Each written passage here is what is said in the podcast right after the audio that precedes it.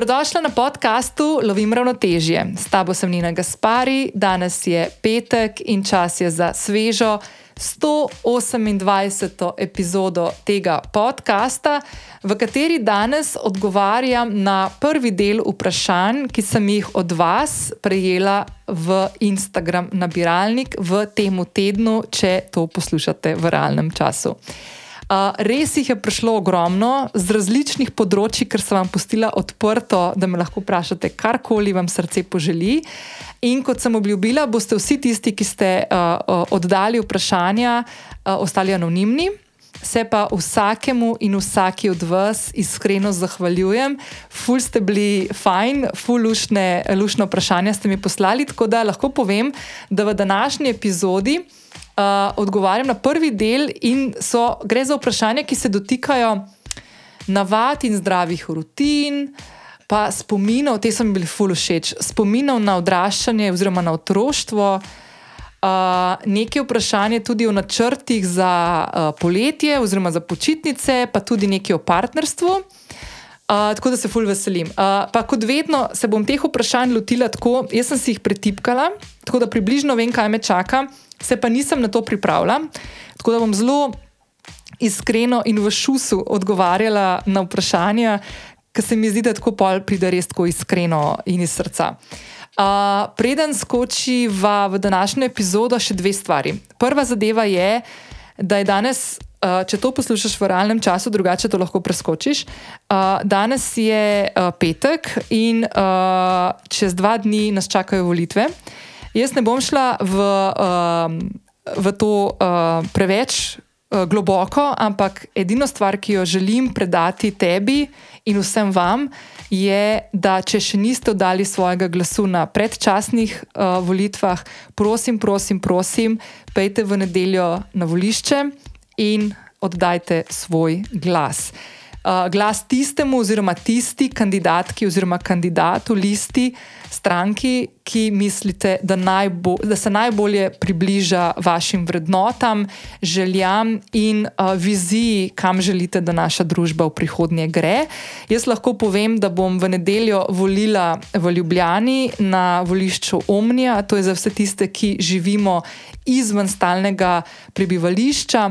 Nisem imela možnosti, da grem na predčasne volitve med tednom, uh, tako da bom zaradi tega ostala uh, doma uh, v Ljubljani in se udeležila nedeljskih volitev in se ful veselim. Uh, da grem tudi tja. Mimo grede, uh, ne vem še čisto dobro, koga bom obkrožila, približno kolebam med dvema ali tremi možnostmi, ampak definitivno pa vem, da bom šla na volitve in lepo, lepo, lepo prosim, uh, uh, da greš na volitve tudi ti, pa še koga pelješ s sabo. Okay, uh, preden gremo v prvo uh, vprašanje, pa še uh, uh, vabilo, kot vedno, da če še nisi prijavljena ali prijavljena na podcast Lovim ravnotežje, to lahko vedno narediš tudi medtem, ko poslušaš epizode. Na, uh, če poslušaš to na aplikaciji, uh, kjer uh, so podcasti naloženi, lahko daš na pauzo, stisneš subscribe. Vedno sem vesela tudi ocen in mnen, ki mi jih pustiš ali na aplikaciji, pri kateri poslušaš podcast podcaste ali pa se mi lahko javiš na zasebno sporočilo. Najraje vidim na Instagramu, ker tam najhitreje vidim, se ti lahko odzovem nazaj z osebno zahvalo. Če pa to objaviš na svoj story, naprimer, me pa potegaj, da bom to videla, da se lahko podelim tudi uh, naprej, da se ti zahvalim še tako le javno. Uh, zakaj to vedno? Um, vedno nekako sporočamo, oziroma zakaj je to neka taka stvar, ki se mi zdi ful pomembna v vsaki epizodi izpostaviti. Podcasti so taka zanimiva platforma, ki raste lahko s tem, ko vi, poslušalci in poslušalke, oddajate svoje ocene, ko delite uh, podcast, ki ga poslušate naprej, ne samo mojega, tudi druge ustvarjalke in ustvarjalce. In to je edini način, praktično, s katerim lahko podcast kanal, kot je naprimer Lovim Ravnotežje, raste uh, in da ga najdejo potem v svojih podcast knjižnicah tudi tebi podobne ženske in moški. In kot vedno, te tudi tokrat v opisu spodaj čaka povezava do zapisa epizode, kjer te bodo čakale tiste stvari, ki jih bom danes v tej epizodi omenila. Ne vem še, katere bodo, ker kot sem rekla, bo to zelo uh, po trenutnem navdihu, ko se bom zdaj le sprehodila čez vprašanje. Ok, skočva v prvi del vprašanj in uh, ja, se ful veselim. Ok, čist po takem uh, vrstnem redu, kot so vprašanja prišla, uh, jih bom zdaj prebrala anonimno. Uh, prvo vprašanje je, kakšen nasvet bi si dala deset let nazaj, kaj si želiš, da bi vedela takrat, pa veš šele danes. Mislim, da sem to že enkrat govorila. Jaz, to so tako zelo nehvaležne stvari za jih odgovarjati, zato ker za nazaj smo lahko vsi blazno pametni. Um, Je pa ena stvar, ki vedno nekako, ko pomislim ali pa ko vidim tako vprašanje, pa ga kar precej pogosto dobim, no, moram reči. Um, vedno je stvar, ki se mi pripelje vnaprej, uh, in mogoče tako malo klišejska uh, zadeva, ampak je ne jemljem kot klišejsko, zato ker za sabo potegne eno, eno zelo prijetno spoznanje, ki sem ga jaz pred nedolgo nazaj upeljala v svoje življenje in vključuje to, da sem malo bolj prizanesljiva in bolj prijazna do sebe. Uh, to spoznanje je uh, povezano s tem, da bi si želela prej kot par let nazaj sebi dovoliti, uh, da sem bolj lahkotna. Da uh, ne jemljem sebe in življenja preveč resno, um, da si dovolim padce, poraze, da na njih gledam kot del um, neke rasti, neke hoje po poti, in de, da ne da na to gledam kot na, um, ja, kot na sam poraz, pa ne uspeh. Um, ful se mi zdi, da tako. Um, prejšnji teden je bila na sporedu epizoda s Teso, moja prijateljica, in smo se ful veliko o teh stvarih pogovarjali. In jaz sem tudi med drugim povedala, da ena od stvari, ki je meni blazno všeč. Uh, in zato se tudi tako rada družim z, z prijateljicami, ki so precej mlajše od mene. Um, da vidim pri mlajših, da, so, da pridete do določenih spoznanj hitreje, kot sem prišla jaz v življenju do njih. Malo je to generacijsko, sigurno, uh, pa tudi konec koncev čisto individualno, do vsakega do vsakega. Jaz, jaz pri sebi opazujem, da kakšne stvari, do katerih sem prišla, pridejo malo kasneje, ampak nekako vedno um, ko zdaj gledam z neko čustveno distanco ali pa neko časovno distanco, vedno pridejo po pravem času. Ne? Tako da ni zdaj tukaj, da gre za neko tekmovanje, kdo je boljši, kdo je hitrejši. Vedno, vedno neko tako spoznanje pride, takrat, ko ga rabiš, in, in ga, konec koncev, takrat, ko se ga zaveš in ga lahko tudi upelješ v svoje življenje. In um, definitivno je to, naprimer, samo sprejemanje, ki pride konec koncev tudi z leti, z izkušnjami. Uh, jaz lahko povem, da ne samo, da je prišlo z leti, ampak tudi z velik, velik ulaganja vase. Uh, jaz sem v zadnjih petih, šestih letih ogromno časa posvetila temu, da sem danes oseba, kakršna sem si želela biti prej v življenju, pa nisem vedela, kako do tega priti. Um, in lahko je danes mi reči, da se počutim udobno v svoji koži, z vsemi napakami, z vsemi spodrsljaji z vsemi zapletenimi jeziki, ko govorim take le stvari, ki včasih tako mali srca, pa ne, ne, ne napisano ali pa ne pripravljeno. Ampak ja, to so, to so take življenjske stvari, ki se mi zdi, da te mal, mal te leta pripeljejo do tega, predvsem pa to, da si dovoliš določene stvari izživeti in pridi do določenih spoznanj. Tako da na svet, ki si bi ga dala, v bistvu ni na sveta, ker takrat, ko sem se tako počutila, ali pa ko še tega nisem vedela, ni bil še tisti čas, ta pravi. Ne? Ampak, ful bi, bi bilo, naprimer, lepo, če bi se, naprimer, tako kot se danes počutim, počutila pri 30 ali pa pri 25, kar je verjetno kar mal ne mogoče. Ampak, ja. uh, če, bi, če bi znala to uh, nekako um, si takrat dovoliti uh, neobsojajoče, bi bilo to full fine. Tako da ja. Naslednje vprašanje, tvoje najljubše slovenske vplivnice, ki te navdihujejo. Um, mislim, to je tako zdaj. Ne? Jaz, če pogledam samo na Instagram, zelo malo ljudi, če, zelo malo ljudem sledim na Instagramu, naprimer, tako lahko rečem. In tistim, ki sledim, tako da če gre zdaj kdo pogledat na moj Instagram, zdaj le kar v mestu odprla, 220 kanalom sledim. Od tega so večinoma ljudje, ne, ne neki um, uh, biznis profili. Um, vsak od teh kanalov mi daje nekaj, no, nekaj imam tudi mutanih, ampak vsak od teh kanalov mi daje nekaj, kar me v nekem trenutku navdihuje, drugače tega kanala ne bi več sledila. Tako da najprej mogoče. Preden povem, kdo je tisti, ki mi izstopa, oziroma katere, kateri kanali uh, Instagrama so tisti, ki mi izstopajo, uh, bi še eno stvar povedala, ki se mi zdi fully pomembna. Uh, da ta beseda vplivnež je v zadnjem obdobju postala tako zelo tako negativno konotacijo dobila. Ne? In lahko tudi povem, da tudi jaz, ko slišim, naprimer, zase, da ne bi bila vplivnica, imam tako mal tak cmok v grlu. Ampak dejansko, in jaz to tako resno mislim, in tudi vsakmu točno to povem, kar bom zdaj povedala. Ne? Da uh, vsak od nas je vplivnež ali pa vplivnica v nekem svojem okolju. Ne? Ni treba, da si zato na Instagramu, pa da imaš ne vem koliko uh, uh, štev, kakšno število sledilcev imaš. Vsak od nas, ko ga nekdo posluša, dejansko v realnem življenju je to še pomembneje.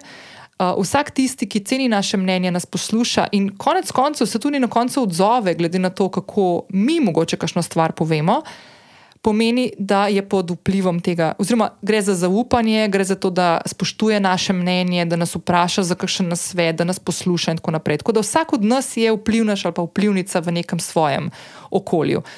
Uh, seveda, da če to pride potem do družabnih omrežij, kjer je to lahko eksponentno naokrog, ne, zaradi načina podajanja informacij in spremljanja, je ta odmev lahko bistveno širši.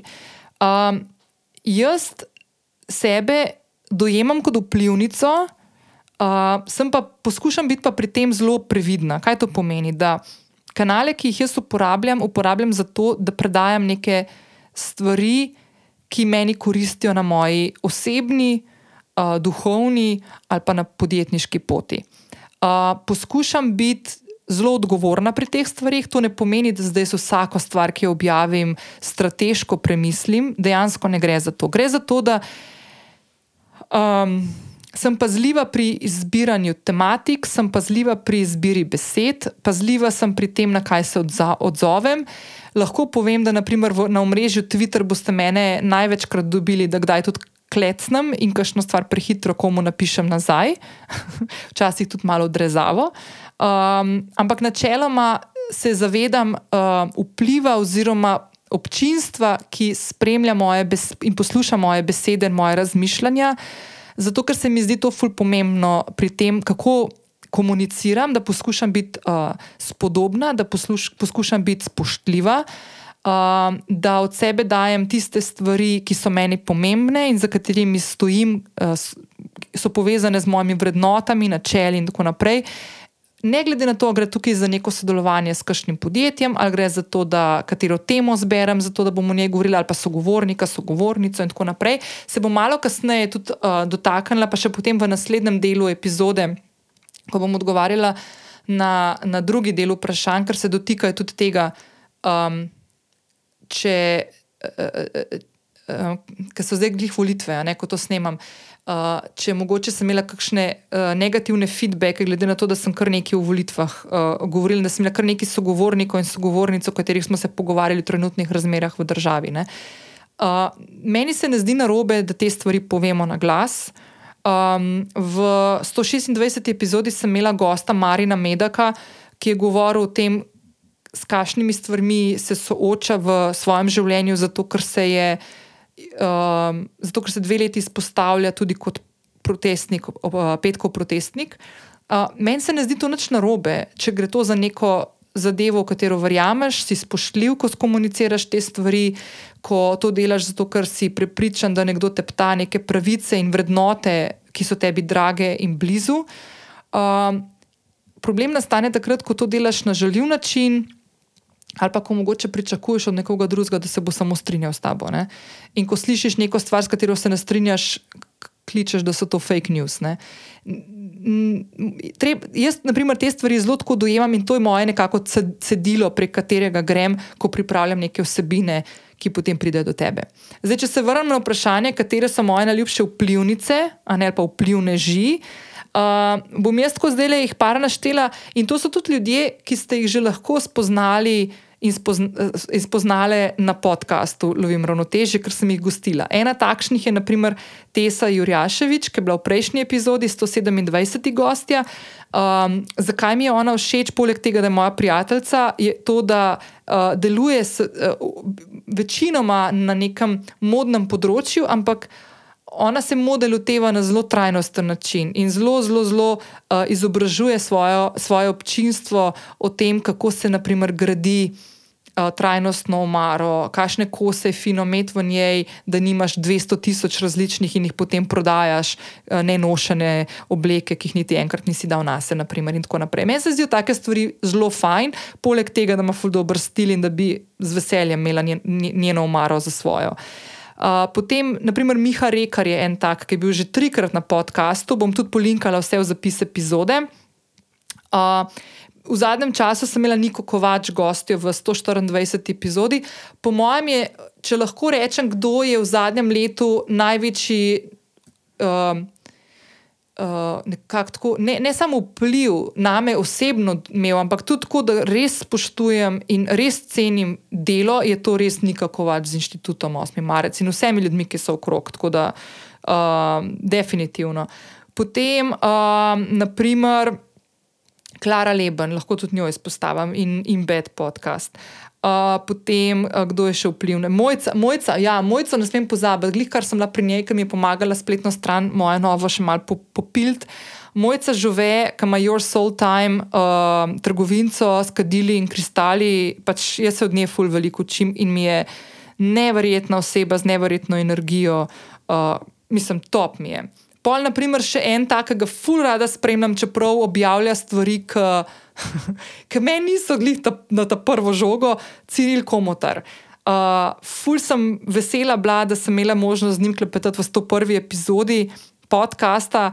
Uh, to je bilo lani septembra, ko smo snemali uh, na Štajerskem. Ful mi je da best, ful mi je dobro, kako on vsebine pripravlja. Tako top mi je. No. Pol, naprimer, um, Barbie završnik. Naprimer. Uh, Barbie je tako mamica dvem, dvema uh, krasnima otročkoma. Jaz nisem mama, ampak jaz njene vsebine ful požiram. Ful mi je zanimivo, kako predstavlja, kako je treba vzgajati otroke, kakšne igrače zbirati, kako jih zamotati in tako naprej. Se mi zdi tako amazing, res noro, noro. Um, potem še ena, um, še ena, naprimer Adriana Dimec ki je bila tudi gostja v 68. epizodi, že let, več kot eno leto nazaj.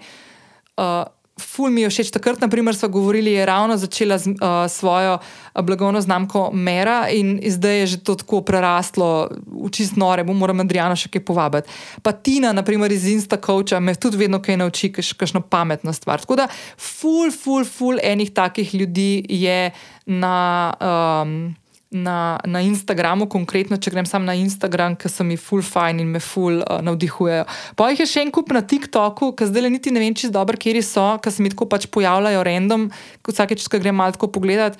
Uh, full enih lušnih ustvarjalcev TikTok vsebine tudi. No, tako, da, tako, da ja. tako da ne bom zdaj vse tukaj naštevala, ampak ja, en kup enih ljudi je. Um, ok, naslednje vprašanje. To mi je pa tako, zdaj, ker so vzne oči dobila ful, ful, kdorkoli mi je to vprašanje poslal, uh, se ful zahvaljujem, ker res ste me tako malo odpeljali v, v eno tako res prikupno obdobje. Uh, se spomniš svojega maturanskega plesa, kaj je bilo tam za te lepega in posebnega? Uh, mislim, moj maturanski ples je tako, po mojem, že 25 let nazaj bil. Uh, ja, tako stara, o, kot stara sem.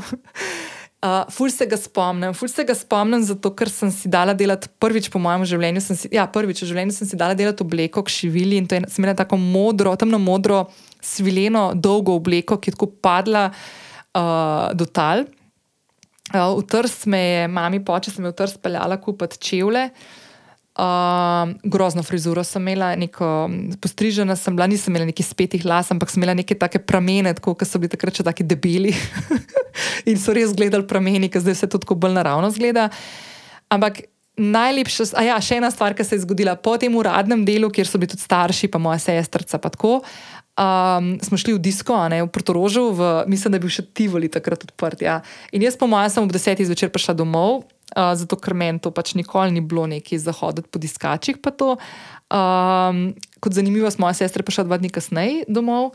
Uh, pa noben je vedel, kje je dva dni, uh, tako da tako smo si različni. Uh, ampak najlepša stvar, ki se mi je pa takrat zgodila in sem res full vesela, in tudi full sem vesela, da imam slike, uh, fotografije. In to je, da na mojem maturanskem plesu, uh, poleg Maje, moje sestre, po mojih dveh, obeh staršev, so bili tudi obe babici in oba detka. Um, in jaz sem plesala, uh, ne, ne, lažem. Ne, samo babica, pa dedek na očetovi strani sta bila tako. Ja. Ja. Mo, moj dedek Lauro je bil in jaz sem z njim plesala, in moja babica Menči, ki je v bistvu še edina živeča med babicami in dedki mojimi. Um, in ta spomin, da sem plesala z mojim dedkom, uh, mi je tako ful, ful ustal v spominu in um, sem ful vesela. Uh, moj dedi Lauro je bil namreč. Um, tako, ne moj drugi oče, ampak jaz, ko sem se rodila, sta bila moja starša stara 21 pa 22 let, sta bila še študenta in smo živeli pri babici in pri detku, pri imamo Laurotu in uh, mami Menči um, v Murglah uh, in smo. Um, Ja, in smo ful veliko časa skupaj preživeli, tako da smo bili tako zelo povezani. No? In to, da je bil moj dedi tam in moja babica in da smo skupaj plesali, ful mi je veliko pomenilo. No? Tako da Ja, tako da najlepša stvar, najlepša, za kar malo podoživljam te stvari. Tako da, tako da ful, hvala. Sem mojega dedija Laura že kar nekajkrat omenila, mm, sploh takrat, ko govorim o knjigah, uh, ker ima eno tako krasno lastnost in krasno navado, in to je, da je uh, imel svojo knjižnico doma. Uh, v kateri je ogromno njih knjig, vsaka je imela noter štempil, ko ga spari Lauro, tako da se je točno vedelo, da so prišle iz njegove knjižnice. In uh, ful je velik bral, tako res ogromno in posojal je knjige in vodil evidenco, komu je kakšno knjigo posodil in tako naprej. Tako res, res noro. No? Tako da sem ful, ful, ful vesela. Um, ja, ful sem vesela, kdorkoli je tole poslal. Ne vem, zakaj je to vprašanje prišlo, mogoče, ker so zdaj maturanski plesi. Uh, ampak ja, tako da mogoče, če kakšen od vas, no tukaj zdaj, ki bo imel kakšen maturanski ples, da ste kakšni tako mladi, ki tole poslušate. Ful uživite, no. res, ful uživite. Pa jaz takrat, ko sem bila, pač to je zdaj že res 25 let nazaj, ne? takrat ni bilo telefonov, uh, ki bi jih imel vsak v svojem žepu, da bi posnel ful enega materijala. Tako da vse te fotke, ki jih imam na voljo, so res tako zlata vredne. Tako da naredite si čim več materijala, ki je ful fajn. Koliko časa na dan ali na teden preživiš v kuhinji in kaj naraje kuhaš oziroma pečeš? Ma, ful dobr. Uh, ma jaz večino, ča, večino stvari jaz naredim doma. No. Vse grem tudi ven, jaz pa to, kar še vikend, uh, za vikend kdaj. Uh, ampak načeloma, načeloma si kar doma pripravljam uh, za jesti od zajtrka, kosila večerje. Jaz v kuhinji sem kar nekaj časa, no, zato ker imam stanovanje, tako da iz moje uh, domače pisarne moram iti mimo kuhinje, da pridem v drugi del stanovanja. Tako da jaz v kuhinji sem res full velik časa. Ampak če pa tako neko aktivno to kuhanje, pa to, uh, pa so pa definitivno za pripravo jedi. Uh, jaz ne kupujem pripravljenih stvari ne, za kuhati, ki se doma sam pogrejejo občasno sem in ti ali pa imam kakšno obdobje, kdaj naprimer, se mi to mal ne da, pa pol mal, mal zagovedam. Ampak načeloma se pripravljam, si pripravljam stvari. Lahko še eno stvar povem, da danes, ko to snemam, uh, danes je sreda, dva dni preden bo šlo to v eter, sem bila ravno pri uh, moji prehranski terapeutki Mojci, ki sem jo imela v gosteh v 123. epizodi, se pravi, mogoče še mesec nazaj. Um, in smo tam tudi govorili, da bom šla k njej, no, da, danes sem to naredila in da mi bo sestavila neke stvari, kaj je fino, da jem, zdaj, ker se bom lotila ene kure na temo. Uh, um, Krepitve imunskega sistema, in ki upam, da mi bo pomagal pri tem, da moja to aktivno HPV okužbo spravim iz telesa. Uh, in smo se ravno o teh stvarih ful pogovarjali, kaj si pripravljam, uh, kaj je dobro, da uživam čim večkrat na dan, čim bolj pogosto, da sem konsistentna pri tem. In dejansko poskušam slediti, eh, slediti tem eh, napotkom, ki mi jih je dala mojca, da jem čim bolj raznovrstno zelenjavo, eh, da čim več zelenjave kupim na tržnici pri preverjenih um, uh, ponudnikih. Uh, če ste v Ljubljani, no, jaz. Prisegam na Dovča in na njegovo kmetijo iz tukaj iz Savel, ki ga res poznam, pa vem, kaj on prideluje in kaj ne. Uh, Um, zelo v zadnjem času, kaj najraje delam, ma, ful sem padla spet mal nazaj v te Buda sklede. No. Se pravi, da narediš neko skledo, ki vsebuje vse ta, vse te, vsa ta makrohranila, ki so potrebna za uravnotežen obrok. Um, včasih naredim kakšno vegansko, pa naredim kaž, iz kakšnega tempeha, da dam zraven, ali pa naredim, ne vem, reakcije sem zadnjič naredila, glih prejšnji vikend, um, sem jih popekla. Mm. Ena stvar, ki mi je zdaj full fine, danes sem že TikTok omenila. Jaz na TikToku ogromno idej za recepte dobim. Uh, spremljam, naprimer, um, Otolengija, se tudi na Instagramu, uh, ki ima full dobre recepte. Zadnjič sem naprimer, naredila neko. Nek malancan na žaru, cel, cel ga sem dala na ponov, da se je cel res full fine prepekel, uh, pa pa eno pomakico iz Harise, to je tako mal um, pikantna, neka, ne, ko se reče uh, zmleti čili, tako malo mal taka pikantna pomaka, pa malo feta sira, pa popečene pinjole, pa malo koprca svežga. To je ful dobro. Tako da, naprimer, to mi je ful všeč. Ali pa kakšne stvari, tako naprimer, kakšni misel, malancani. Ali pa zdaj sem delala prvič v življenju, mislim, po dolgem času, no, spomladanske zavitke. Um, pa take stvari. No? Tako da to mi je, pa zdaj le sem jedla in tako regra, da tako na tone, ne? tako da to mi je itak amazing. Tako da ja, kar nekaj časa preživim v kuhinji, no? moram reči. Je pa ena stvar, ki zdaj hočem malo bolj usvojiti, je pa to, da bi rada. Um, mal bolj si pripravljala, naprimer, jaz v soboto gremo mi dva vedno uh, do povdan z mojim dragim na Ljubljansko tržnico peške, kupava, kupava zelenjavo za skoraj cel teden. In ena stvar, naprimer, ki bi jo rada se zdaj lotila, je, da si vse stvari, ki jih kupam, operem in pripravim, zdaj ali narežem, ali uh, operem že um, in pripravim, zato da polk odprem hladilnik, da imam večino z tega že narejenega in pa samo sestavljam jedi in popečem ali pa kuham ali pa pač pojem srovo. No. Tako da to so zdaj ene take stvari, ki bi si jih ful rada mal bolj. Ta food, um, food prep, ne se pravi priprava obroko, ampak ne s tem, da skuhaš že vnaprej, ker res si rada sveže pripravim stvari. Um, Tle se mal ponavljam. Naslednje vprašanje, kater profil na Instagramu rada spremljaš in uh, 5 do 10 najljubših. Se, zdaj sem jih nekaj, sem jih že naštela, no. um, bom pa še, bom zdaj kar odprla moj Instagram. Pa bom malo pogledala. Ja, en profil, na katerega se zadnje čase ful, glih, kar sem tudi lajkala njihovo fotko, no, ki sem mi takoj pokazala, valjda, ker algoritem ve, da, da, sem, da je to nek kanal, ki mi ga mora najbolj ponujati naprej. Uh, Uh, Inštitut 8. marec, definitivno, ful jih imam rada, ful so fajn. Uh, potem en, uh, aha, Peppermint mi je ful všeč, uh, peppermint.si. Mm, to vodi tudi ena punca, mislim, da je Katja. Uh, včasih je bila novinarka, ima ful tudi lušen blog. Uh, potem, uh, kaj še kaj tazga. A ja, uh, Alija Skrt. Alija Skrt je novomaščanka, ki je zdaj uh, svojim dragim uh, ven live fura in se oglaša. Mislim, da sta zdaj na portugalskem, bila sta že v Španiji, v Italiji, v Franciji. Tako da jo ful spremljam, ker mi je ful všeč, kako uh, gradi neko to svojo prezenco, zdaj ki je na poti. Um, pa ja, pa tako vse jih je ful, ful težko uh, ful težko tako povem. Aha, hiša Franko, naprimer, pa Ana Rošnjih tudi fura, da spremljam, ker sem jih ful amazing. Da, ja. Bom še kakšnega napisala, pa bom dala v zapis epizode, no, tako da mogoče bo mal, um, mal bolj tam še dodatno. Uh, naslednje vprašanje, bi lahko kaj več povedala o partnerstvu, kako ga dojemaš in kako ga poglabljaš? ful ste firpčni. Um, dobro, se to zdaj ni skrivnost, to sem že zdaj že fulkrat povedala, tako mi na obrazu piše. Pa, tako vsakeč, ko se s kom srečam, mi reče: Vse vidim, da si če zelo ljubljena, kaj te načni na Instagramu, pa to, I know, I know. Vse se bom izboljšala, ampak um, tako mi sedeno, pa se mi zdi, da nimam kaj zapovedati, pa, pa se rajš ne oglasim, če nimam kaj pametnega zapovedati. Um, med, med drugim je to tudi ena stvar. No, da probujem biti ful um, spoštljiva do vašega časa, do časa tistih, ki me spremljate tudi na Instagramu, da ne dajem nekih stvari gor, samo zato, da jih dajem. Da, ja.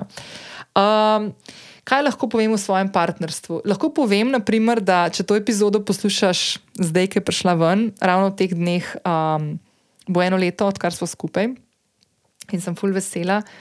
Um, kaj lahko še povem, kaj je ta zgo zanimivega? Um, da se še nisva skregala tako, nisva se še neki ful skregala, kar mi je čist smešen, še vedno se reživa ful. Uh, kar se mi zdi ena taka najboljša stvar uh, v partnerski vezi, ki sem jo zdaj reodkrila, ali kako bi se temu rekli, ponovno odkrila, in to je, da je v bistvu res smeh daleč, ena od daleč najbolj pomembnih stvari. No. Um, tako da to.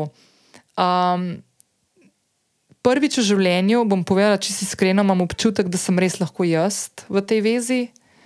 Um, da ne glede na to, kaj rečem, naredim, mislim, um, me nihče ne obsoja, nimam nekega tega strahu, kaj bo, če bom nekaj rekla. No.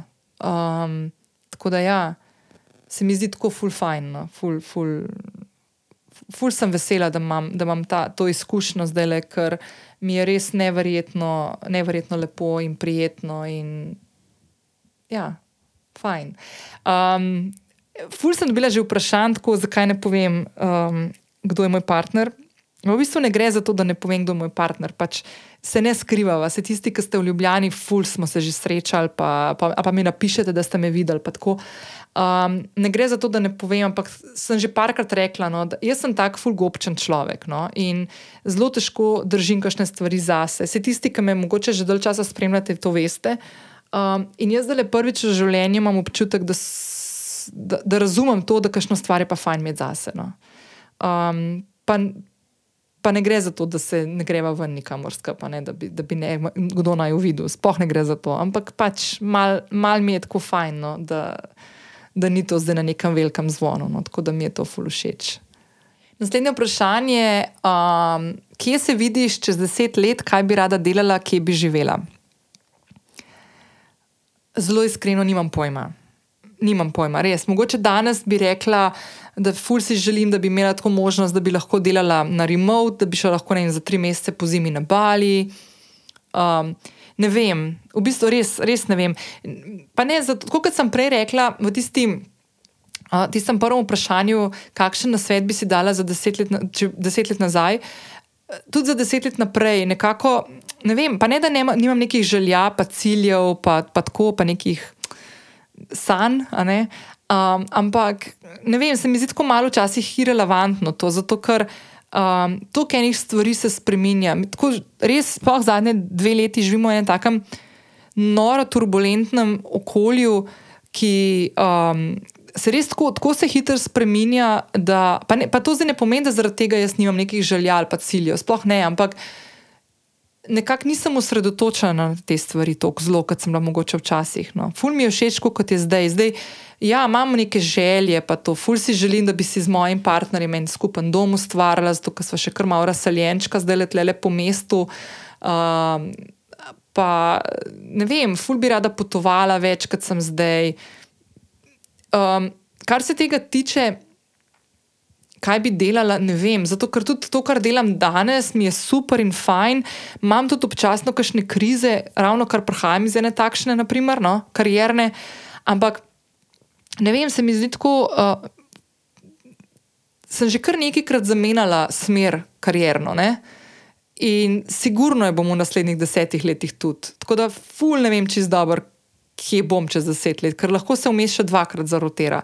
In mi je to ful všeč, da pač imam to možnost, to neko to prožnost v življenju, da si lahko to. Prvoščem. To smo se prejšnji teden s Teso pogovarjali, kakšen privilegij je, da imaš lahko to uh, možnost, da, da, da, da, da, da si dovoliš neko novo strast odkritne in da te pol odnese v neko smer, ki drugače mogoče ne bi našla. Um, katere navade, razvade imam in katerim bi se najtežje odrekla? Huh. Navade, ma to je zdaj spet uno vprašanje rutine, ki se zdaj le uh, uh, mimo grede in, intenzivno, si jo nazaj delam in mi kar gre. Um, ampak ne vem, te razvade, kaj bi bilo to, kaj tasga. Ok, dobro, še vedno mogoče prevečkrat telefon gledam zvečer, pa zjutraj prvo, pa zadnjo stvar. To mi je mogoče malo taka razvada. Um, ena navada, ki je zdaj, ki mi je fully všeč. No, evo, to je ena taka stvar, ki gre malo v povezavi s partnerstvom. Um, mi dva imamo zdaj le zadnjih par mesecev uh, eno tako skupno rutino. Ne vem, če ste slišali za to. Um, za to igro Wordle, uh, kjer ugibaš uh, besedo, angliško besedo, se tudi v slovenščini je besedle, um, kjer uh, ugibaš angliško besedo iz petih črk uh, in imaš šest možnosti, da ugotoviš, katera je. Mi dva, uh, mi dva z Miho to delava ali vsako jutro, če se skupaj zbudiva, ali pa če naprimer nismo čez dan skupaj zvečer to narediva in se tokne reživa, ne? ker imamo res. Mislim, tako ful je fajn, no? ful je tako taka lušna igrica in, in se zezava in zabavava zraven, ki odkrivava.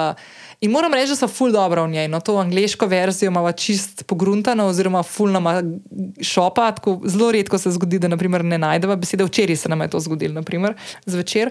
Um, ampak tako, taka lušna, neka skupna aktivnost. In meni, na primer, je bila ta in samo eno lahko na dan rešiš. Ne? Vse obstajajo neke skrekane strani, kjer lahko imaš teh možnosti nešteto na dan, tudi slovenska omogoča več na dan. Ampak meni je glih to fajn, da imaš naprimer v angliški tek, ki jo je pred časom kupil New York Times in zdaj prek njihove spletne strani dostopaš do nje. Mi je ful všeč, da je v bistvu samo ena na dan. In ful je zanimivo, ker jaz sem na začetku kar malo odvisna od tega. In sem šla na tisto stran, kjer je več, možn, več, več dnevnih vnosov možnih. Zdaj pa uh, tudi ko sem sama zjutraj, ko se zbudim, počakam tisto dnevno, da pa zvečer skupaj rešvam. No. Tako se mi zdi tak en tak ritual skupen. Uh, tako da temu bi se mogoče zdaj najtežje odrekla, no, evo, tako malo bizarna, ampak ok. Uh, Kakšna razvada, kaj pa vem, no, se mi zdi uh, ena stvar taka. Huh. Pa ja, mogoče to gre malo mi na živce, no? da skozi imam spet lase, naprimer. zelo redko imam lase spuščene. Um, pa kaj še kaj tazga. Huh. Ne vem. A ja, tako sem zadnjič opazovala, ker sem snemala pogovor uh, s Teso, pa z Marinom, zdaj na koncu, da polka poslušam uh, zelo velikrat vmes, jih puščam govoriti, sem pa te še vedno prevečkrat skočim v besedo, pa tako delam zraven. Uh -huh, aha, uh -huh, uh -huh. In pa se to fulgardo sliši na, na podkastu, ki posnet. Ampak pač, ja, to je neka taka zadeva, mogoče neka navada, ki jo čistko delam, da se spohne zavedam. Da, ja. Pa, aha, ko imam uh, menstruacijo, uh, bi pojedla tono čipsa. Ampak takrat si ful pustim, da pojem čips. No. Ali pa si naredim kakšen kodrolist na to ohrov, ta čips v, v pečici, no tudi to mi je fajn. Če res nimam možnosti čipsa skočiti, tiskati. Ja. Ok, naslednje vprašanje. Kako bi opisala svojo osebnost v petih besedah? Hm. Wow, ful dobro vprašanje. Uh, da ne bom preveč razmišljala. Radovedna, uh, spoštljiva, um, strastna, um, kaj bi še rekla? Huh, zafrkanska. Tako bi rekla, ja, da se fura, da se zezam. Ful se rada zezam, na svoj račun sploh, ampak tudi tako z drugimi ljudmi, ful se rada zezam. No, pa um, zanesljiva. Ja. Mislim, da v zadnjem času sem tudi zanesljiva, nisem bila vedno najbolj. No. Ampak mislim, da danes, če se z nekom nekaj zmenim, pa to sploh s temi bližnjimi ljudmi, ki jih ponavadi so tisti, ki največkrat kasirajo, um, da zgubiš nek uh, tam. Da, jih najhitreje pustiš na cedilu, prej kot kakšnega človeka, ki ne vem, si poslovno povezan. Ampak se mi zdi, da sem to zdaj v zadnjem času malo izboljšala. Mislim, ne da sem bila slaba, no, ampak doskrat, ko so bile kakšne težke stvari, sem mogoče se raje umaknila, da bi, da bi šla z glavo not. Tako da je. Ja. Mogoče to. Ampak najbolj sem pa ponosna, od vseh teh petih stvari sem najbolj ponosna na to, da sem radovedna. Da tako fulmam ta občutek, pre, preklopljen skozi, da se poskušam na vsakem koraku kaj novega naučiti. No. Ali pa v vsakem pogovoru, ali pa kamorkoli grem, tako vedno, vedno gledam in poslušam in se provam, kakšno stvar na novo spoznati. Ali v okolici, ali v kakšnem mestu, v katerega grem prvič, ali pa konec koncev sama oseb. Tako da se mi zdi to taka fulepa lastnost. Ki, jo je full fine imeti. Uh, naslednje vprašanje. Če bi lahko spremenila tri stvari o svoji državi, kaj bi spremenila? Samo tri. Ne, sej, za, bom začela tako. Uh, jaz sem full ponosna na to, da sem slovenka, da jim tako začeti. Uh, da ne bo zgledal, da, sam, uh, da, sam, um, da je vse slabo. Uh, to je to neka taka stvar, ki smo se tudi z Niko Kovač pogovarjali uh, na podkastu, ko je gostovala. um, da so stvari, ki so pri nas fulepe, no? tako da ni zdaj, da se sam slabo. Ampak, ker pa glih je, ker pa glih tak čas, ne? pa so volitve pa tako, uh, ali pa so ravno bile mimo, če to poslušaš kasneje, sem pa zdaj odprla, sem v bistvu odprla zdaj le um, svoj Twitter, ker sem točno. Dva dni nazaj, se pravi v ponedeljek, na praznični ponedeljek, na, velikono, na velikonočni ponedeljek, sem na Twitterju objavila, kaj bi jaz naredila, če bi postala naslednji teden po volitvah predsednica vlade? Kje so tiste stvari, ki bi jih naredila? Pa, bom, pa so v bistvu se zelo, zelo se dotikajo točno tega vprašanja. Ne? Kje so stvari, ki bi jih spremenila v Sloveniji? Prva stvar, ki bi naredila, zato posebej tisti, ki ste mogoče kaj na Twitterju, pa to spremljate, ali pa konec koncev se vozite po Sloveniji. Prva stvar, ki bi naredila, bi strogo ločila kanale komuniciranja vlade Republike Slovenije od strankarskih, kar pomeni, da nobena stranka ne bi smela imeti možnosti, da naprimer da plakate, da gradi Slovenijo in pove, kaj dela, pa ni dejansko tega sama naredila. Ne? Ampak je to denar iz evropskih skladov ali pa občinskih proračunov in tako naprej. To je naprimer stvar, ki bi prepovedala. Pa prepovedala bi, da naprimer nekdo, ki pride na oblast, me sploh ne zanima, kje je stranka, leva, desna, zelena, rumena, mauričasta, čisto vseeno, more vladne komunikacijske kanale, vladni Instagram, vladni Twitter profil, vladni Facebook profil uporabljati za to, da sporoča in komunicira z vsemi državljani, ne da sporoča in komunicira samo tisto, kar je tisti stranki, ki je v, v koaliciji fajn. Ne? To, kar se zdaj ne dela. Tako da, primer, to je prva stvar. Druga stvar bi postavila pravila odgovornosti da če si bil kaznovan ali pa si v kakšnem kazenskem postopku, ne moreš nositi javne funkcije. Plus, naprimer, če se zgodi, da neko stvar ukradeš, da te dobijo s prsti v marmeladi ali pa v medu, da greš v hotel, pa ne plačaš računa, da ne iščeš izgovorov in pol odstopiš par dni kasneje, potem, ko si že vse druge izgovore izkoristil, pa niso palili. To so take stvari, ki bi jih spremenila. Ampak to so stvari, ki se začnejo pri nas, državljanih, da moramo to zahtevati. Ne? Tako da. Um, Absolutno. Ful pomembna stvar. Odgovornost in biti vzgled, če si ne oblasti, vzgled državljanom. Uh, tretjo točko sem dala to, da bi odpravila zakon, ki ga ima trenutno Banka Slovenije in onemogoča bankam v Sloveniji, da dajo kredite državljankam in državljanom. Se pravi, to pomeni, da banke imajo zdaj ogromno denarja, ki bi ga rade dale, pa ga ne morejo, zato ker je taka zakonodaja, ki v bistvu zelo, zelo omejuje možnost pridobivanja kreditov. Tukaj rajš ne bom šla v to, kakšne so možnosti za samostojne podjetnice in podjetnike, ker je res katastrofa, se, kako težko je priti do denarja. Uh, definitivno bi posodobila šolski sistem in van vključila to, da se otroci naučijo kritičnega razmišljanja s svojo glavo, da znajo uh, se pogovarjati z argumenti, uh, da, da znajo prepoznati, kaj so dejstva in kaj so mnenja. Uh, dala bi notri medijsko vzgojo, zato da bi znali prepoznati, kje so prave novice in kje so novice, ki jih sprožajo uh, razno razni interesni lobiji, fake news med drugim. Uh, in definitivno bi dala notri tudi um, vzgojo, kako uporabljati internet in razno razne aplikacije, družabna omrežja in tako naprej, kakšna je spodobna komunikacija, kaj objavljati, kaj ne objavljati in tako naprej posodobila bi sistem samozaposlenih in jih poenotila na nek način uh, s tistimi, ki so redno zaposleni. Definitivno bi upeljala štiridnevni tednik, se pravi, na mest petih dni bi dala štiri dni in zrahljala način dela, se pravi, da tisti, ki bi lahko, da bi jim omogočeno bilo tudi delo, uh, hibridno delo, če ne drugega, ali pa delo od doma ali odkudkoli drugot. Uh, Še ena stvar, ki jo ful pogrešam, sploh zdaj v zadnjem obdobju, ko smo ful v kampanji. Sorry, ne, bo tri, ne bojo tri stvari, ampak še dve imam, osem jih bo. Um, ena stvar, ki jo ful pogrešam, je, da se skozi govori, da bi se dalo. Da bi se omogočilo ponovno odkup najetih stanovanj mladim in mladim družinam. Se ful strinjam s tem, ampak bom dodala še mojo generacijo. To smo milenici, pa generacija X, ki smo bili zaradi politike zadnjih 30 let totalno pozabljeni. Tudi mi nimamo svojih stanovanj, tako kot mla, še mlajši od nas. Tako da jaz bi še tudi naše generacije dala zraven, da imamo podobne možnosti. In ta zadnja točka je, da bi obdavčila vse, ki imajo več kot dve nepremičnini. Rečemo, da vam dam še eno za zraven, za vikendico, ampak vsi tisti, ki imajo več kot dve nepremičnini, bi jih pa obdavčila. Tako da. No, tako.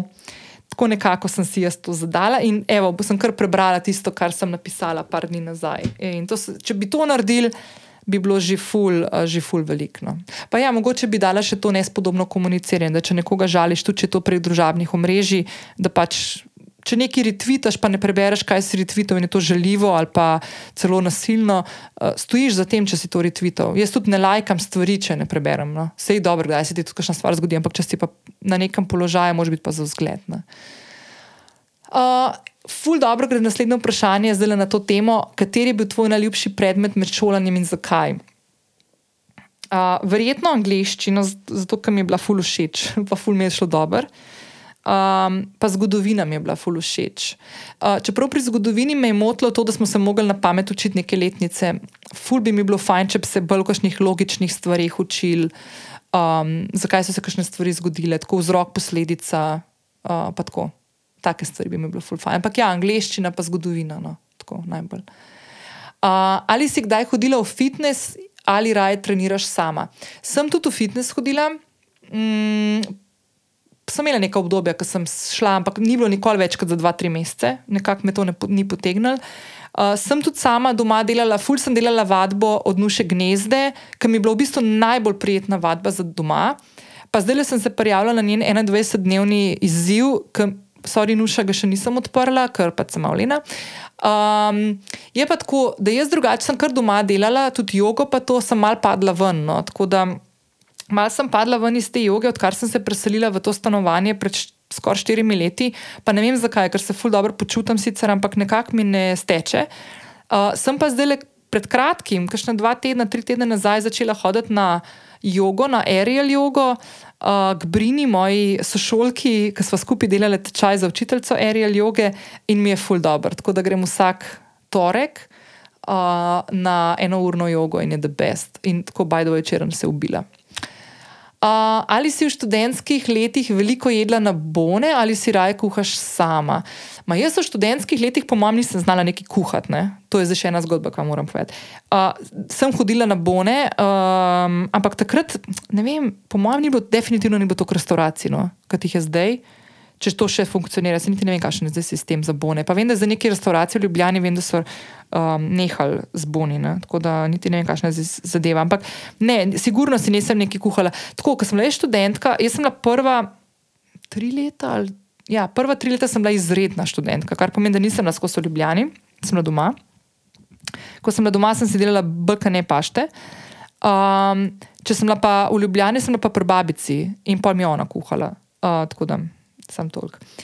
Um, jaz sem začela kuhati, po mojem, mene, mogoče deset let zdaj že od tega, ali pa osem, osem, devet let od tega. Ko sem enkrat se odločila 30. decembra, da bom s 1. januarjem en mesec šla na vegansko prehrano. In se spomnim, da sem šla v trgovino v največjo gužvo možno, pač na skoraj na Silvestra, ne, da sem si kupila stvari. In takrat sem jaz se odločila, da bom veganka en mesec, in sem se zaradi tega mogla ful prepraviti in ful načrtovati obroke. Ampak zakaj sem ful vesela, da sem to naredila? Ker takrat sem dejansko sprostila te svoje neka omejitvena prepričanja, da jaz pa ne znam kuhati in sem si začela stvari pripravljati doma. Najprej ful sem sledila receptom, pol kasneje pa tudi po navdihu. No? Tako, da, tako, da, tako da danes lahko rečem, da dobro kuham nisem neka svetovljanska kuharica, ki bi povabila zdaj čisto sadga na ksep na večerjo. Pa sem mal živčna, če kdo pride k meni na večerjo, kaj bom pripravila. Ampak v bistvu ful uživam v tem, no, kar mi je čisto noro. Da, ja. um, naslednje vprašanje je: predlagaš kakšne dobre filme ali serije, drama ali pa romantika? Uf. Um, gledala sem na Netflixu Anatomy of a Scandal, se mi zdi, pa mi je bil ful dobr. Mm, pol, zdaj z mojim dragim gledava France, ki jih ni nikoli gledal, ajno, čist, čist čuden. Pa uh, tale, tri, ne tretji kamen od sonca, oh, kako smenem to. Uh, tale, mm, joj, no, ta Sheldon, kvaj že. Ti nerdi, ti piflari, pozabila sem, se sem spomnila.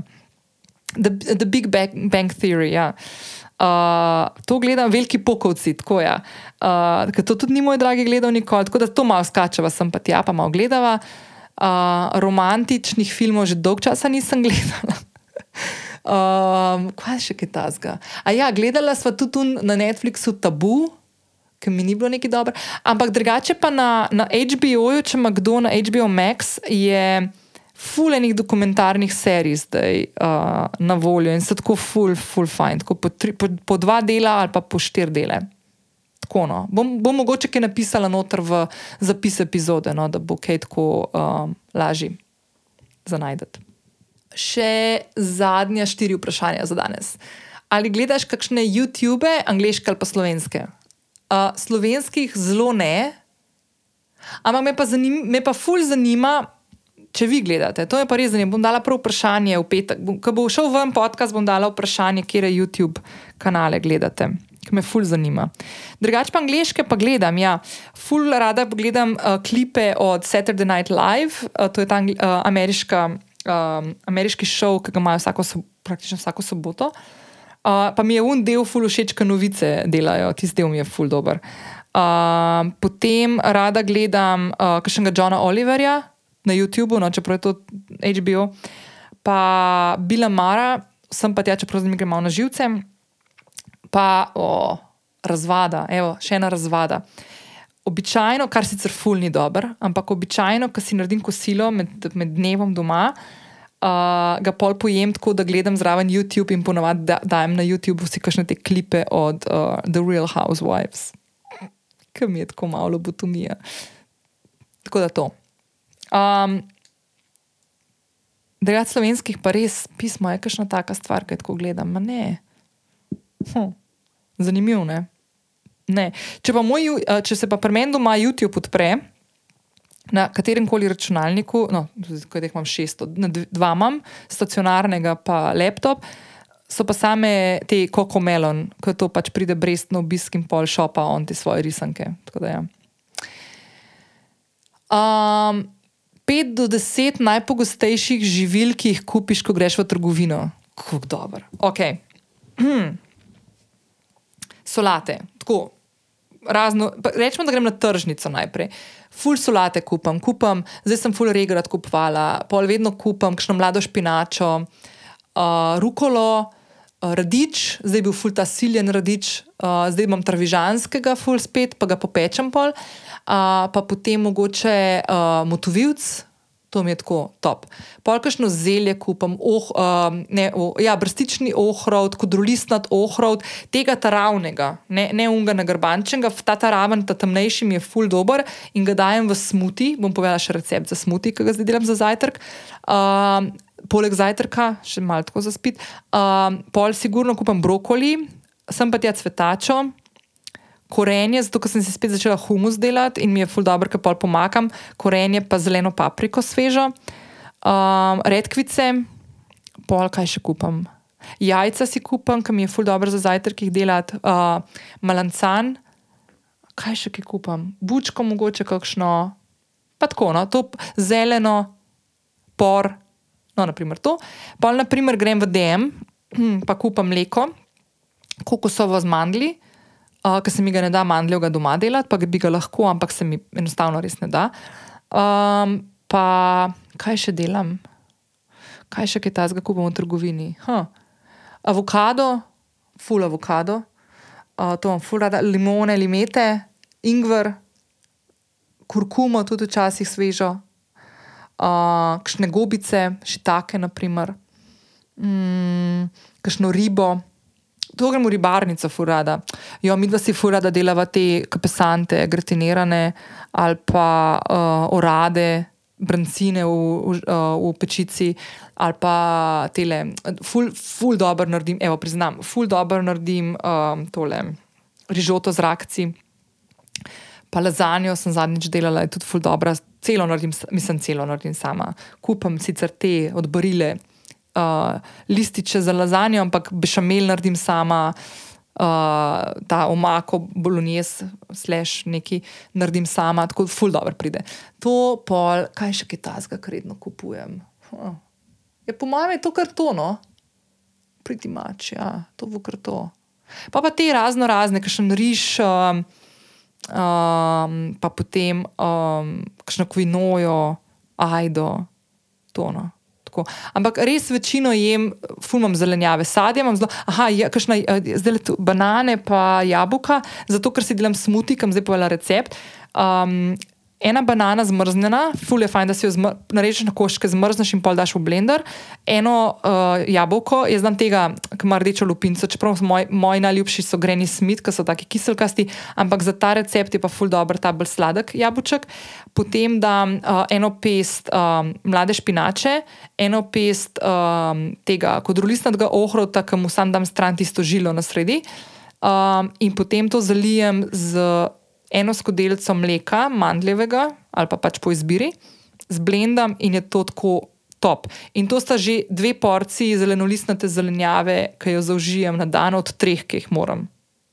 Kaj mi je mojca rekla, moja prehranska terapeutka. Da, pa pa mal mešam, no, sem pa tja dan kakšno drugo stvar. No, Zadnjič sem dala tudi perje od uh, korenja, pa dala sem že perje od brokolija, uno kraste na, na steblu in je bilo tudi tako, da bestno. Tako da to. Uh, Um, to je to, bolj kaj ne. Ja. Um, imaš kakšne načrte za poletna potovanja?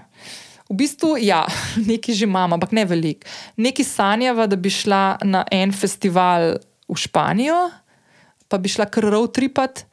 Um, to, pol, uh, zdaj le za promajske, grem tudi v Beograd, prvič v življenju, eno grozen. Uh, Um, pa ne, ful imam še takih stvari, no, ki bi tako rada šla. V bistvu se ful veselim, da bova šla spet um, v Švico uh, in bova šla spet se kopati v reko Are, ki je čisto hodo, ki te pele tok. Amazing. Tako da ja, no to, tako da to greva. Uh, in zdaj še zadnje vprašanje. Uh, tehnike za pomoč pri odločanju o karieri oziroma prihodnosti, ko nobena možnost ni idealna. Hm. Ma, čisti iskreno, drugače bom lotila tega, tega odgovora. Uh, nimam tehnike, pa imam pa en, ma, oziroma lažem, imam tehniko, ampak ni povezana z neko karierno potjo ali pa s tem, da nobena možnost ni idealna. Ampak, ker to tako zgleda, ne, da imaš ti neke. Um, scenarij A, B, C, D, rečemo, pa noben ni čisto optimalen, in potem se odločiš za enega od njih. Ne. Imam občutek, da je odločitev zunaj tebe, ne. se pravi, ti vidiš štiri stvari in pol imaš neko prisilo, da se moraš med temi štirimi stvarmi odločiti, kar je večinoma v življenju, da se razumemo. Ampak jaz se pri takih pomembnih stvarih zelo rada poigram z vajami, ki sem jih dala tudi v delovni zvezi, kako najdeš svoj zakaj, ki je na voljo v moji spletni trgovini. Uh, pa bom ga polinkala v zapis epizode. Zakaj to omenjam? Zato, ker ravno s temi vajami sem se jaz zdaj ukvarjala zadnji mesec, pa pol, ker sem imela neko krizo identitete kaj početi v življenju, ali je to sploh še stvar, ki jo počnem, ki je skladna z mojim nekim zakajem, poslanstvom, željami in tako naprej, mm, strastjo. In v bistvu mi je ful pomagal. Ne? Pomagal mi je dveh, na dveh nivojih. Prvo to, da sem um, ugotovila, kera področja so še tista, ki se skladajo z, mojimi, z, z mojim zakajem, in kera ne, in zdaj tista, ki se ne, jih počasi dajem na stran. In ugotovila sem, da imam še neke nove, ki jih do zdaj nisem niti prepoznala. Um, in mi je v bistvu ta tehnika full fine, zato ker mi pomaga, da iz sebe ven pridem z idejami, scenarijem E, F, G. Uh, zato sem omenila to tehniko. No? Tako da. Um, V bistvu gre za tako zelo enostavna vprašanja, nabor zelo enostavnih vprašanj, um, ki ti pa v bistvu, če si vzameš prostor, mir, da si sama, sam in se res posvetiš vprašanjem in v sebi najdeš odgovore, Včasih traja to tudi en mesec, lahko, noč narobe s tem. Um, prideš lahko do zelo globokih um, predelov svojega srca in, in glave. In pridejo na plan neke stvari, ki mogoče imaš občutek, da nikoli nisi na ne pomislila. Uh, zato se mi zdi ful pomemben, da pri takih stvarih, življenjskih odločitvah, res najdemo um, nek, nek način ali pa neko pot ali pa tehniko, kot je vprašanje tukaj. Uh, ki nam pomaga razvijati ta način razmišljanja, da znamo se uh, da znamo te notranje dialoge skleniti sami sabo in si potem pomagati, da te notranje dialoge prelijemo v, neko logi, v nek tak logičen okvir, iz katerega potem lahko neke odločitve sprejemamo. Tako da um, jaz sem že ful veliko o teh stvarih govorila. Se mi zdi, da sem zelo ful dobro obesedla. No? Uh, ravno to, kar se je zdaj tudi v meni dogajalo zadnje obdobje. Um, In, in je to ena taka, gre, gre za ena taka, za ene vaje, ki so tako res. Um, Mislim, da bi to lahko vsak od nas delal. No? Pa ne tako enkrat. Jaz, jaz sem prvič to delala in takrat sem tudi ta delovni zvezek sestavljala, mislim, ene pol leta kasneje, no? ko sem videla, kako je to pri meni funkcioniralo in um, kako je to izgledalo in potekalo.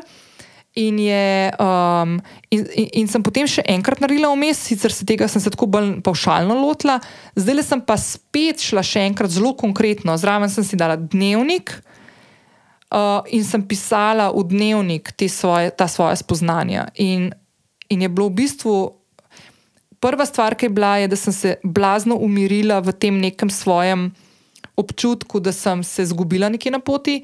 Druga stvar, ki se je zgodila, je, da sem našla neke nove stvari, ki me fulj veselijo in sem zdaj čisto navdušena ko mi čakam, da se tega lotam. Tretja stvar je pa, da sem si dala neke potrditve, ki se mi je zdelo, da sem jih izgubila, ne vmes. Um, tako da ja. Uh, tako da, fulno, če se kakšen s takimi stvarmi zdaj le pri sebi sooča, jaz sem vedno pristaš tega, da, da vse odgovore in odločitve v sebi že imaš samo dokopati se je treba do tega. Pa ful ni enostaven. Ni enostaven. To no, nikoli nobena taka stvar, ki gre za res pomembne stvari v tvojem življenju, ni enostavna. Ker če bi bila enostavna, ne, bilo, ne bi bilo izziva, brez veze. Niso enostavne stvari, so pa ful potrebne, res ful potrebne. In jaz, če bi lahko zadarilo vsakmu dala, kako se tega lotiti bi to naredila. No. Uh, pa sem naredila v najboljši moči to, da sem dala skupaj ta delovni zvezek. Um, pa da tukaj zdaj govorim to, ampak je treba to razviti pri sebi. Sej te lahko tudi te vaje ali pa ta vprašanja te vodijo do, nekega, do neke tehnike, ki jo boš sama razvila naprej. In je to the best. Ne? Ne da zdaj to, kar je meni funkcioniralo, bo tudi tebi, ampak ti pa lahko neko v navednicah čakra odpre, da najdeš nek način preseb, ki ti bo odgovarjal in bo še boljši in bo tvoj, in ti pomaga potem pri vsaki taki odločitvi, ko imaš občutek, da nobena možnost ni idealna, najti neko možnost, ki bo pa zate najboljša v tistem trenutku. Tako da ja. Ok, to je to. Uh, ful, hvala še enkrat za vprašanje. To je bil prvi del vprašanj. V naslednji epizodi, ki ne obljubim, da bo šla ven naslednji petek, mogoče bo šla prvi petek v maju, ne vem, še bom videla. Bom odgovorila še na vse ostale, uh, na vsa ostale vprašanja, ki so prišla. Tako da, če danes ni bilo omenjenega tvojega, noč skrbeti, imam zapisana vsa ostala vprašanja in obljubim, da bom vanje ugriznila. Um, Zdaj pa lahko samo še enkrat ponovim to, kar se mi zdi ful pomembno. Če to poslušate v petek, uh, eh, 22. aprila, ali pa v soboto, 23. aprila, ali pa v nedeljo, 24. aprila, pa ura še ni 7 zvečer, prosim, prosim, pejte volt. Pejte volt, pejte vzeti usodo svojo in usodo naše prečudovite države, ki še vedno verjamem, da je najlepša država na svetu uh, v svoje roke, povejte, kakšen svet želite, vse ustvarjati, v kakšnem svetu živi, želite živeti. Um, obkrožite tistega, ki se najbolj sklada s temi stvarmi, v katere verjamete, In prosim, prosim, pejte volt. Tudi če nikoli prej niste bili na volitvah, prosim, pejte volt, ker je to nekaj lepega, nekaj krasnega in nekaj nujno potrebnega. Tako da, to je to. Lepo se mejte, lep zadnji aprilski petek, oziroma ne, ne zadnji, predzadnji aprilski petek. Uh, če se slučajno ne slišimo naslednji teden, vam želim fulepe promajske praznike. Upam, da vas bo odneslo v kakšne čudovite kraje, da boste našli čudovite spomine, okušali krasno hrano uh, in razmišljali o tem, kako lahko spremenite svoj svet na boljše. Ciao!